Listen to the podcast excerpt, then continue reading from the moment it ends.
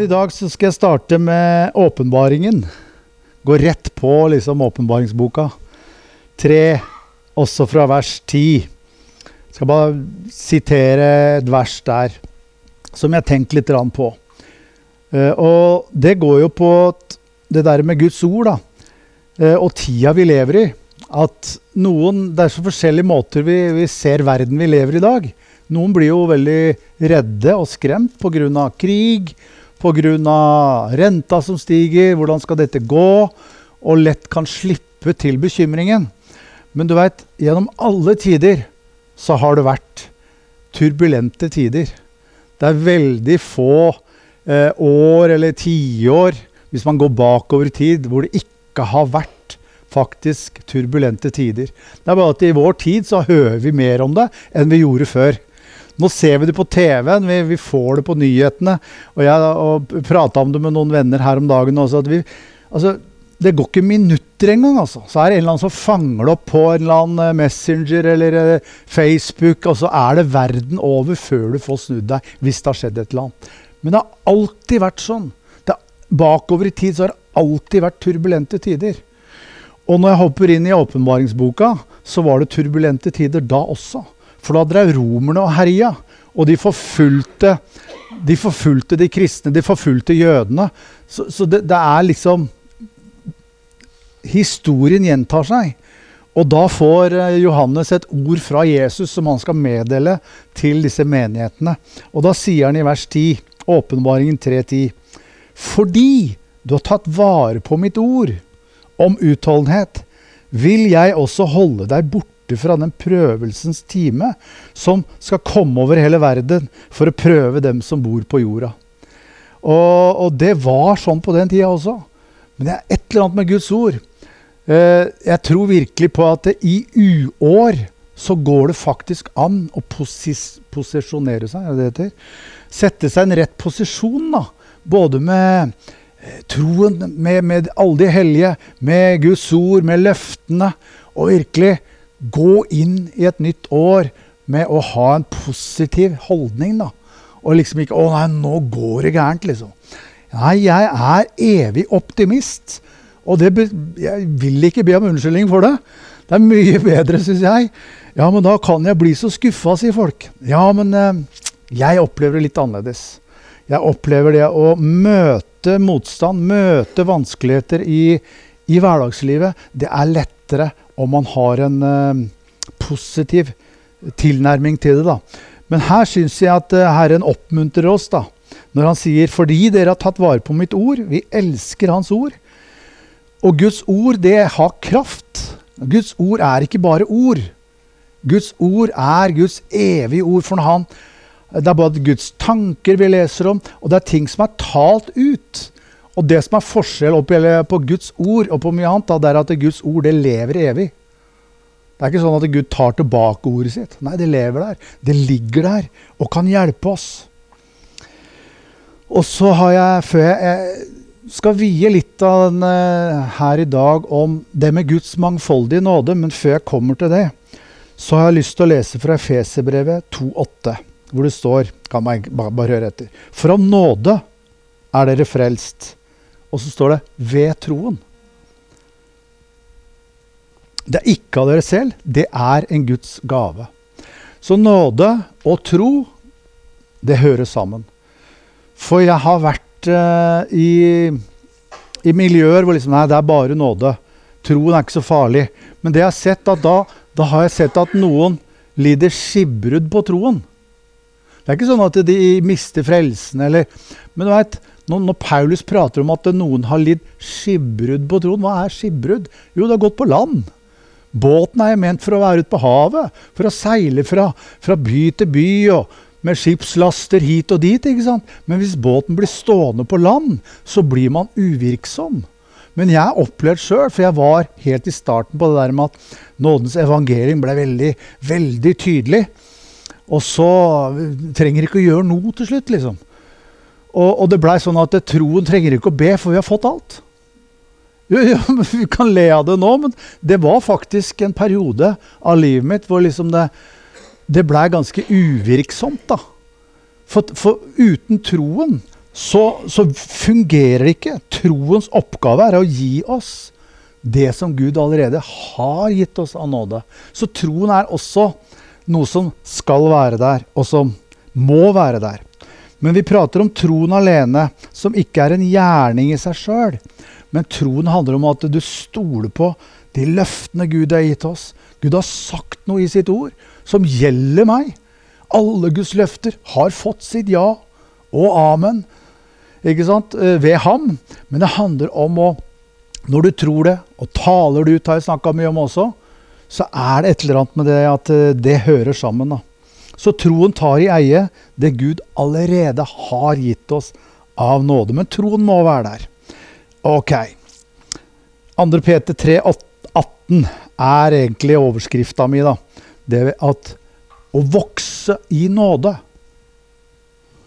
Og der står det Men voks i nåde og kjennskap til vår Herre og Frelser Jesus Kristus. I ham tilhører æren både nå og evighetenes dag. Og til evighetenes dag. Amen. Og det var det ordet 'men voks i nåde' som talte til meg. Jeg tenker det der å vokse i nåde, det handler jo selvsagt om å se enda mer. se enda mer av hva vi har fått, og lære oss hvordan vi må holde noen gang fingra av fatet. Altså, for jeg, jeg, sånn, jeg, har så lyst til å hjelpe til. Jeg har så lyst til å bidra sjøl. Men det er et eller annet med nåden som at den må vi se rein hele tida. At nåde, det er uten menneskelig hjelp. Verket er ferdig. Det er helt fullstendig ferdig. Vi får ikke lagt noe til eller trukket ifra noe. Og 1. Peter 4,10 snakker om å være gode forvaltere over Guds mangfoldige nåde. Så jeg spør dere liksom, Guds mangfoldige nåde, hva, hva, innebærer det? liksom? Guds mangfoldige nåde. Det er at den, er, den har mange kan du si, grener. Mange typer frukter. Nåden er jo så stor. Og noen er redd for nåden. Fordi at noen har dratt nåden liksom sånn De, de, de har liksom skyvet troen til side. Og så Ja, men det er jo bare nåde. Og så lever man som idioter og griser og, og, og ikke forstår at vi er nye skapninger, f.eks. Og det er jo en total avsporing av det å forstå Guds nåde. Og nåde, jeg må også si det, at nåde er jo gratis. Men det er noen som har måttet betale for det. Har du tenkt på det? Jesus han betalte en veldig høy pris for nåden. Hvis du tenker, Nå har det akkurat vært jul også. Hvis du, du, du har barn, da, eller barnebarn, eller noen du, du, vil gi en god gave Du har lyst til å liksom bruke litt penger på en litt dyr gave. da. Så du, du liksom graver litt ekstra ned i lommeboka for å gi en ekstra god gave til noen du er glad i. Og så blir du veldig glad da, når vedkommende du vil gi den gaven til, blir glad og takknemlig. Og det er helt gratis for den. Det, det, det er jo helt høl i huet om den personen som får den dyre gaven. Liksom skal begynne å liksom betale deg litt, eller kan jeg vippse deg en tier for den gaven, liksom? Altså, Du vil jo bli sjokkert. Så sånn i det naturlige så er det liksom helt opplagt at en gave du tar imot, den skal du ikke betale for. Men du veit at den gaven har kosta den personen noen kroner. Jeg, jeg ble, så, ble overraska sjøl på en, en, type gave jeg fikk på julaften av, av noen. Og det var eh, Jeg blei faktisk sånn Wow! Den her var ikke billig. Og, og det Jeg satte ekstra pris på det. Jeg må innrømme det. Men jeg, jeg kunne liksom ikke liksom begynne å Kan jeg vippse dere en tier hver? Liksom? Det hadde jo vært som å spytte dem midt i ansiktet. Er du ikke enig? Altså, det hadde ikke hjelpa med en hundrelapp heller. Ikke en tusenlapp engang. Så god var den gaven jeg fikk. Og nå ble jeg nysgjerrig, nå. ja. det var sånne briller vet du, som du, som du kan Hva heter det? Jeg husker, jeg vet ikke hva det heter engang. Ja, altså VR. VR-briller, ja. Så nå kan jeg stå hjemme i, i stua og spille golf. Vet du. Det er jo helt fantastisk. Og mye annet. Ja, ja, nok om det. Men nåde, det er å ta imot. Det å trene, vokse i det å, og ta imot, ikke som en selvfølge, men med takknemlig hjerte, da. At det er faktisk kosta noen alt. Jesus han ga livet sitt for at vi skulle få del i hans nåde. Så det å vokse i nåden, det er noe fantastisk. Å bli gode på det. Og jeg husker Arild Edvardsen sa det mange ganger. Eh, han sa bl.a. det at eh, når jeg kommer til himmelen, så kommer Jesus til å komme bort til meg og si Du, Arild, deg måtte jeg bruke mye nåde på. og det er ikke noe negativt. Det er mer sånn at når vi lar oss Når vi strekker oss, så er det Vi trenger Hans nåde for å, å se ting skal lykkes, da. Vi trenger virkelig Hans eh, tilskyndelse, eller hva vi skal si. Forøk, eh, at han kommer med sin kraft, med det som han er og har, for at vi skal få lov å, å se de tingene vi drømmer om. Så Arild hadde jo reist verden rundt og sett um, ja, ja, kanskje millioner av mennesker som har kommet til tro gjennom hans tjeneste. Men det hadde han ikke fått til uten Guds nåde. Så han ga egentlig bare ære til Gud ved at uh, han har fått så mye hjelp. da. Så det er det jeg har lyst til å si, at nåden den er så stor, og den er så mangfoldig. Og jeg bare ramser opp noen ting vi er frelst og tilgitt av nåde. Vi er helbreda av nåde. Det er ikke noe du kan fortjene deg til. Det er bare å ta imot. Vi er gjenoppretta av nåde. Hvis det går i stykker for deg, så at man opplever en gjenopprettelse, det er av nåde. Velsignelser, alle velsignelser er også av nåde. Vi har Guds ufortjente gunst og favør bare av nåde. Det er helt gratis. Og så kom vi inn på det med tjenestegavene. Jeg eh, vet egentlig ikke hva jeg er for noe. Jeg er et vitne. Det var veldig ydmykt sagt. Men greia er at det, det, var det Gud sa til meg, at jeg skal være et vitne for alle mennesker om det jeg har sett og hørt. Så kan jeg undervise litt. Og, og nå er jeg for tiden litt pastor. Ikke bare litt, jeg er jo hovedpastor her. Men jeg vet at Roy er mye flinkere pastor enn meg, uten at vi sammenligner oss. Men jeg kan ikke gjøre den den, den tjenestegaven som han er bærer av. Jeg må gjøre det på min måte. Jeg må være sånn som jeg er. Jeg vil ut og reise mye mer. Så, så, vi ser at vi er forskjellige, men det er så viktig å, å, å skjønne at det er, også er av nåde. Det er som en kappe. Jeg opplever at når jeg forbereder meg når jeg skal tale, så er det som jeg tar på meg en kappe. Og så hvis jeg får mye skryt, eller folk får masse ut av det jeg sier, så kan ikke jeg liksom gå hjem og nå er jeg flink. Nei, man blir bare ydmyk, for man skjønner at det her er en, det er en gave. Det er en nådegave. Det er noe man faktisk bare får. Det er ikke noe jeg kan liksom Å, så flink jeg var. Nei, og det, Jo før man oppdager det, jo bedre er det. Men det står om alle tjenestegavene. I Efeserbrevet så står det 4.11 så står det at han ga noen til å være apostler, noen til å være profeter, noen til å være evangelister hyrder og lærere. Og da lærte jeg på bibelskolen vet, en sånn huskeregel. Apostelen er tommelen. Profeten er pekefingeren. Og evangelisten er langefingeren. Og så har du gullringen, vet du. Gifteringen på ringfingeren, det er hyrden. Og så har du den, vet du, lillefingeren, det er bibellæreren, for han kommer inn i øret da, vet du. Ikke sant? Mens apostelen er litt av alt. Her som en skiftenøkkel kan være litt, litt av alt. Men så har du disse der som, som når langt ut. Profeter. Altså, du vet, I disse dager Jeg, jeg googla litt på profeter eh, og hva de sa for 2024, men du vet, det spriker jo alle retninger. vet du. Så du vet, det er jo Ja, hvem er profeter, og hvem er ikke? Det vet ikke jeg. Men, eh, men så er det noe med det at vi kan se forskjellige fasetter. Alle disse forskjellige tjenestegavene. Mens profetene ofte peker ut en retning.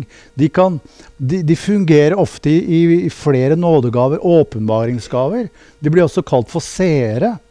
Evangelistene, som er, liksom er den lengste, når ofte lengst ut.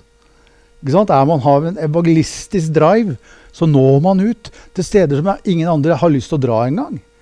Så jeg har aldri skjønt hvorfor jeg har så veldig lyst til å dra til sånne rare steder. Der hvor liksom du nesten får vondt i magen hver gang du drar pga. dårlig mat. da. ja, lærer du aldri, sier folk. Det, men jeg kan ikke noe for det. Jeg har bare lyst til å dra ut til sånne steder. Til unådde folkeslag, f.eks. Og forkynne det gode evangeliet. Og i dag har jeg vært du, i Vietnam! Halleluja! Og så er vips her. Seks timers forskjell. Så jeg har hatt møte der klokka ett på dagen i dag. Da var klokka sju i Vietnam. Og hadde et herlig møte med en eh, menighet der oppe. En eh, herlig nådemenighet som elsker å høre om Guds nåde. Så da nådde vi ut, vi som menighet, ut til Vietnam i dag. Og så har du denne her berømte eh, hyrden, da, som eh, passer på, gir mat, passer på at alle har det bra. For du vet, menighet, det er jo summen av alle oss. Det er liksom ikke dette bygget Ja, det er jo kjempeherlig å få ha dette bygget her. Er du ikke glad for det? Jeg er i hvert fall glad for det. Jo, du er det, du også.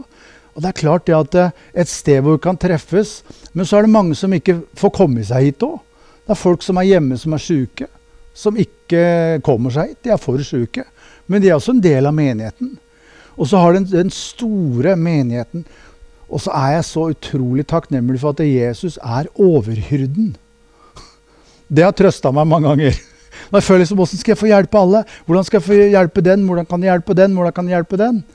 Men Jesus, han er overhyrden. Fordi Jesus, han er fylden av alt dette. Og så er vi kroppen. Vi får lov til å være med. Og bibelundervisningen er jo selvsagt viktig. Lillefingen. Det er eh, Alle kan lære, står det. Men det er ikke alle som er bibellærer. Alle kan undervise etter tiden så kan dere alle være lærere. Kan dere alle undervise. Det er ikke det sagt at alle er en bibellærer. For kjennetegnet på en bibellærer er at man gjør vanskelige ting enklere. Og Jeg leste akkurat i dag, det har jeg ikke tid til å lese nå, men Peter prater om at uh, når jeg leser Paulus vet, uh, Han skriver ofte noe som er veldig vanskelig, sier han. Og så er det noen som ikke fatter, som forstår. Så, for, så vrir og vrenger de på det Paulus sier, til sin egen ødeleggelse. Så helt klart det er ting som er skrevet her, som man trenger bibelsk utlegning på, kanskje fra en bibellærer, for å forstå dybdene. Og så kan man ikke bli der for lenge, for da kan man jo drukne. Er du med? Men sammen, alle disse gavene til sammen, det er bare av Guds nåde, det også. Og så er det noen som liker kanskje evangelisten best. Mens greia er at Gud har gitt oss alle for at vi skal få en litt større perspektiv på ting. For hvis du bare hører på Roy, eller bare på meg, eller bare kommer og, og vil høre på én type forkynnelse, så kan det bli litt skeivhet. Så det er noe med hele bildet av Guds ord. Ok. Og så er det en ting til med Guds mangfoldige nåde som eh, Jeg tenker på det å være beskytta fra fare. Det er også bare av nåde. Det å være beskytta fra fare, det er også helt gratis. Det er ikke noe du kan liksom ta deg til. Men jeg syns at Salme 91 det, det, var noe jeg lærte meg utenat. Nå husker jeg ikke det på rams lenger nå, men jeg, jeg pugga det utenat uh, når jeg var ganske nyfrelst. For jeg skjønte at her ligger det noen, her ligger det noen hemmeligheter. For allerede fram til jeg blei en bevisst troende og døpt i en hellig ånd som 25-åring, så kjente jeg til Salme 91, men jeg hadde ikke gått skikkelig inn i den. Men bare det at det er et par ting der som jeg hadde lyst til å bare kommentere. For i Salme 91 så står det 'Den som bor i den høyeste skjul, og han skal hvile under den allmektiges skygge. Han vil si om Herren. Så det er et eller annet man har forstått noe av de tingene jeg prata om før jul. Det med hjertets tro og munnens tale. da. Han vil si om Herren. Så det er et eller annet vi det er, det, det er sunt for oss å tro med hjertet og tale med munn. Og si om Herren. Han er min tilflukt og min festning. Min Gud, jeg vil sette mitt lit til ham. Og så står det sannelig han skal fri deg ut fra fuglefangerens snare og fra ødeleggende pest. Med sine vinger, med sine fjær skal han dekke deg, og under hans vinger skal du finne tilflukt. Hans sannhet skal være ditt skjold og ditt vern. Du skal ikke frykte for nattens redsler, eller for pilen som flyr om dagen. Heller ikke for pest som brer seg i mørket, eller for sotten som legger øde på høylys dag. Om tusen faller ved din side, om ti tusen ved din høyre hånd. Deg nærmer det seg ikke. Alt dette er av nåde. Men det er et eller annet med å forstå noe av konseptet. Det med å tro og tale. Det å tørre å si ut. Jeg husker når jeg var ganske nyfrelst, for at jeg hadde mye frykt. Jeg hadde mye plager i, i sjela mi eh, av forskjellige årsaker. Så jeg, jeg, var ofte redd. Jeg hadde dødsfrykt før jeg ble frelst. Jeg var redd for å dø, selv om jeg levde som en uh, kjørte fort på motorsykkel og kunne egentlig gått gærent. da. Men Gud beskytta meg midt oppi det hele. Og det kan jeg, vet jeg ikke hvem jeg skal takke for. Det må være at uh, mamma og pappa ba for meg, eller hadde ei bestemor som var frelst. Og, eller at det rett og slett er et kall på livet. Det kan være en sum, sum av disse tingene. For jeg så at andre kunne dø i bilulykker. Jeg husker en kom kompis av oss som vi kjente godt. En, han var noen år yngre enn meg. Jeg jobba sammen med en kamerat av meg på, på byggmakker på Harstad.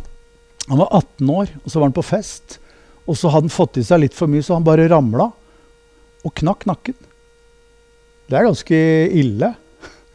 Og jeg som hadde dette ned fra låven da jeg var liten, og jeg kjørte på Jeg, jeg vraka et par-tre biler og mange sånne type ting. Så, så, så, får jeg noen type spørsmål. Hvorfor skjer det ulykker med noen og ikke med andre? Nå har jeg vært ute i ulykker, det er ikke det.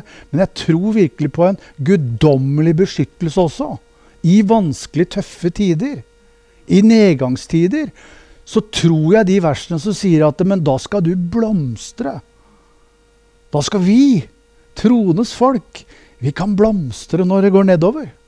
Jeg tror ikke at det går nedover, men om det skulle gjøre, så har vi løfter som sier at vi skal blomstre. Fordi vi er planta ved vannrike bekker. ikke sant?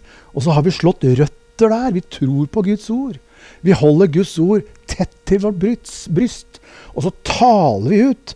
Og jeg husker når jeg blei frelst, døpt i Den hellige ånd som 25-åring, så når jeg leste det versen her Sannelig, han skal fri deg ut fra fuglefangernes snare. Du skal ikke frykte for nattens redsler. Det var på natta jeg hadde det verst. Eh, noen ganger kunne jeg føle at jeg nesten ble kvært. Det var, det var ting som prøvde å trykke meg ned. Men Guds ord satte meg fri.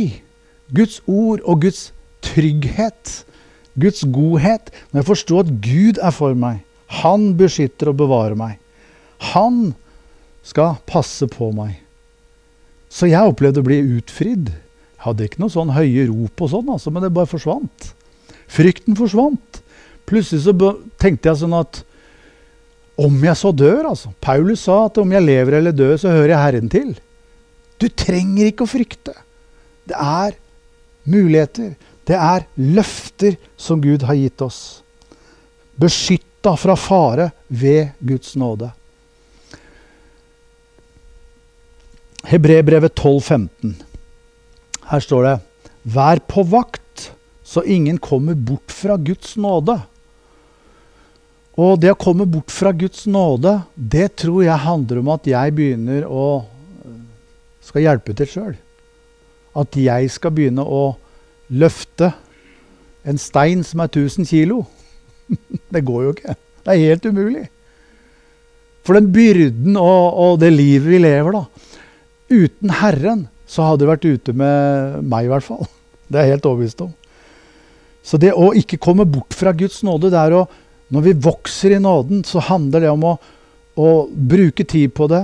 Eh, elske det fram, sette seg ned, takke Gud for det gode vi har. Og det er ikke jeg som har fått det til. Det står til og med om rike folk.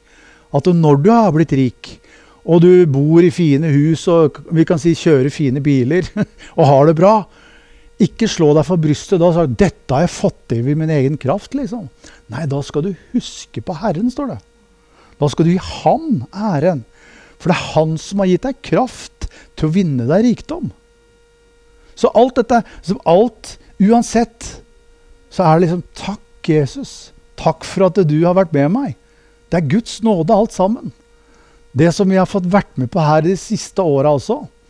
Det med å bygge ut og, og se en, en, vekst. Og jeg tror fortsatt på at 2024 kommer til å overraske oss. For jeg tror på en åpen dør. Jeg tror fortsatt at siste ord ikke er sagt. Jeg tror vi kommer til å få se en vekst. Og jeg har ikke vært den som liksom driver og pusher på det så veldig. For jeg tror alt det som er sunt, det vokser. Et, et legeme som er sunt, det vokser. Det mangfoldiggjør seg. Menigheter, sunne menigheter, kan også produsere nye menigheter. Og sunne, trygge, gode mennesker, som jeg opplever at vi er mange av her, da. Vi kan også eh, tiltrekke oss andre. Jeg tror det. Men vi gjør det litt på en annen måte. Vi står ikke liksom og vil bli frelst og kom fram. Vi står kanskje ikke så mye på det.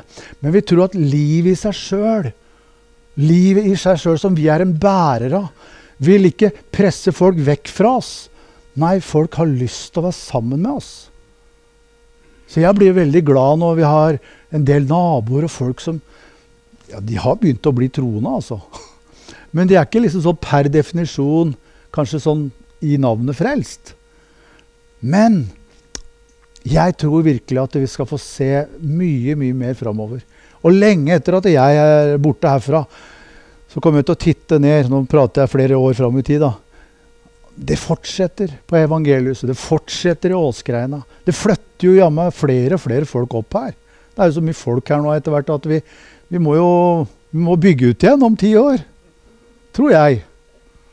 Jeg håper det, og jeg tror på det. Jeg skal avslutte med Galaterbrevet. Og der står det i uh, Bibelen Guds ord der står det 'Dere er kommet bort fra Kristus, dere som vil bli rettferdiggjort ved loven'. Og så kommer det 'Dere er falt ut av nåden'. Og ikke bli skremt nå. Jeg skal lese på engelsk òg.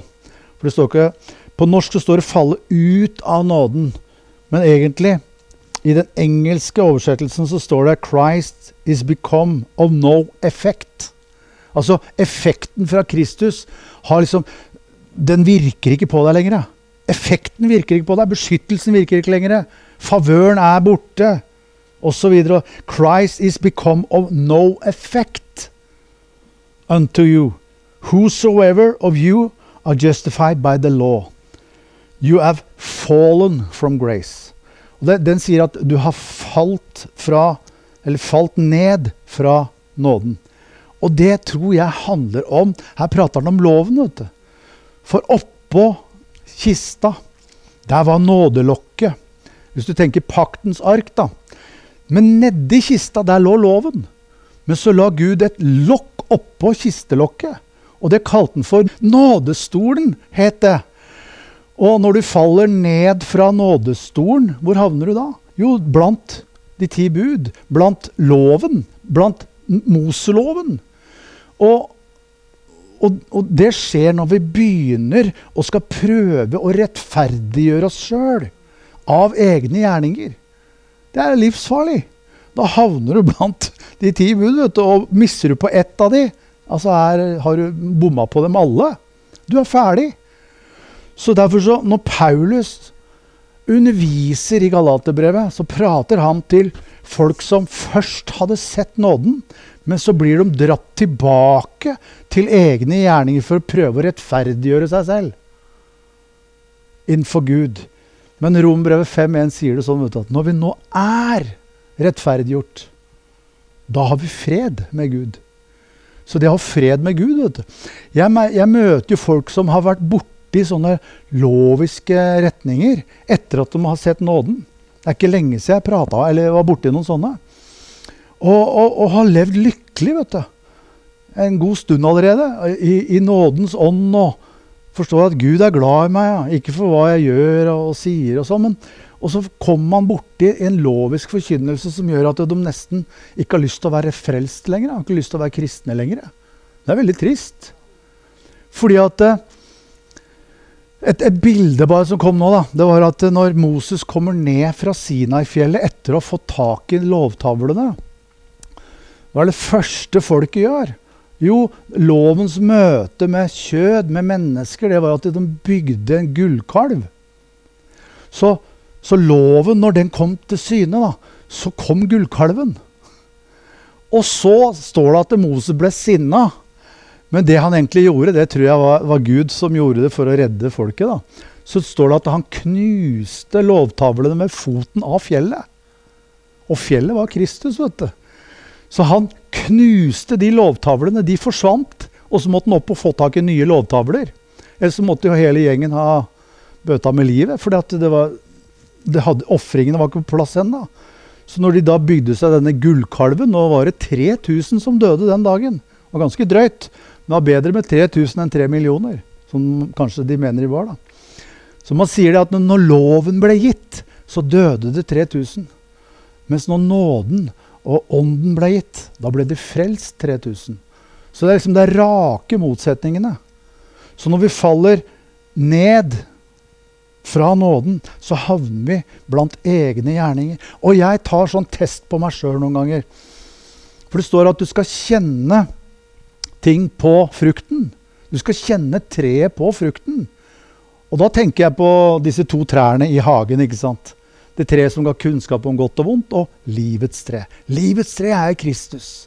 Dette, dette treet som ga kunnskap om godt og vondt, det er et forbilde og, og lovens start. da. For der sa Gud 'ikke spis av det'. Mens av livets tre, der kan du spise så mye du vil. Og alle de andre trærne, men ikke det treet her. sånn. Så du kan si at det også er loven. da. Så når man ser på disse to trærne, så er det to tankesett. Det er to samvittigheter. For du får én samvittighet under loven. Den samvittigheten er, den dømmer deg veldig hardt hvis du, hvis du synder. Ikke sant? Og hvis du ikke synder, ja, da blir du stolt. Så uansett hva du gjør under det tankesettet der, sånn, så går det gærent. Men så har du livets tre. Halleluja. Det kan du spise av, enten du holdt på å si synder eller ei. Og nå ikke vi, skal ikke liksom prate om at ja, da er det bare å synde. På ingen, ingen måte. Men det står nå en gang sånn. Der synden ble stor, så ble nåden enda større. Og Jeg hørte til med en her om dagen som sa det sånn at Guds kjærlighet ikke er for alle mennesker. Jeg, jeg, jeg blir rysta. Hørte det på en TV-kanal. Det er ikke bra. At Guds agape Nei, det er ikke for alle. Ja, det er, det er så vranglære. Jeg ble rysta, men jeg ble veldig glad. For jeg, jeg kjenner han, som, han, som, driver den kanalen. Så sendt, Av og til så sender han meg noen sånne meldinger. Og sa han, han, tatt, han skulle ta det av lufta, men han har lyst til å ha min mening, så sa jeg ja, dette er vranglære. Det er motsatt av det Bibelen sier.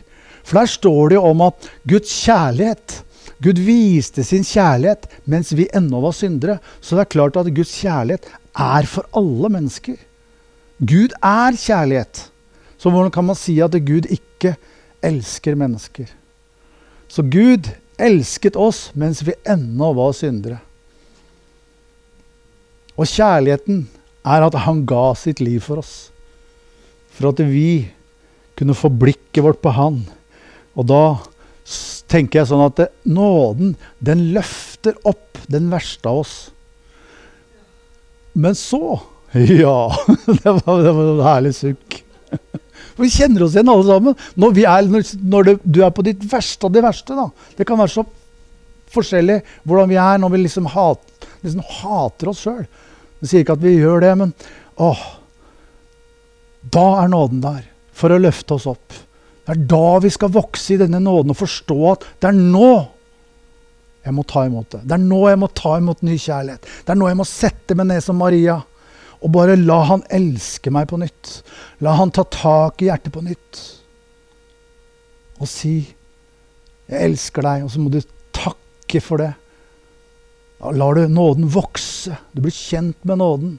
Det er på de eh, I de sekundene, de områdene eller de momentene, øyeblikkene var ute etter, det er jo da vi lærer nåden å kjenne.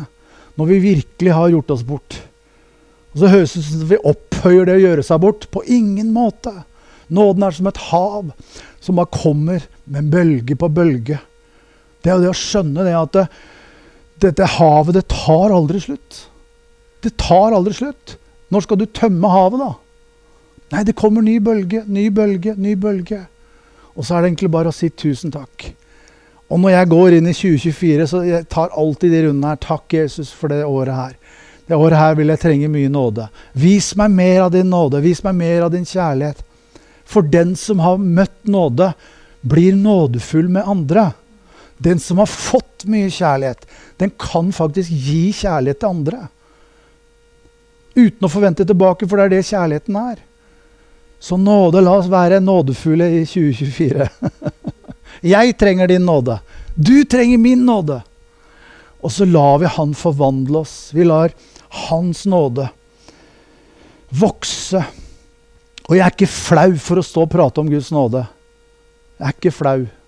Men det koster noen ganger, for man har lyst til å si så mye annet. Fordi at det er en motstand mot Guds nåde. Forstå det, den som kan. altså. Jeg forstår det ikke. Men det er fordi at man ikke har sett Guds nåde. Man har, har, rørt borti det, men det står om å vokse i Guds nåde. Og forstå fylden av det.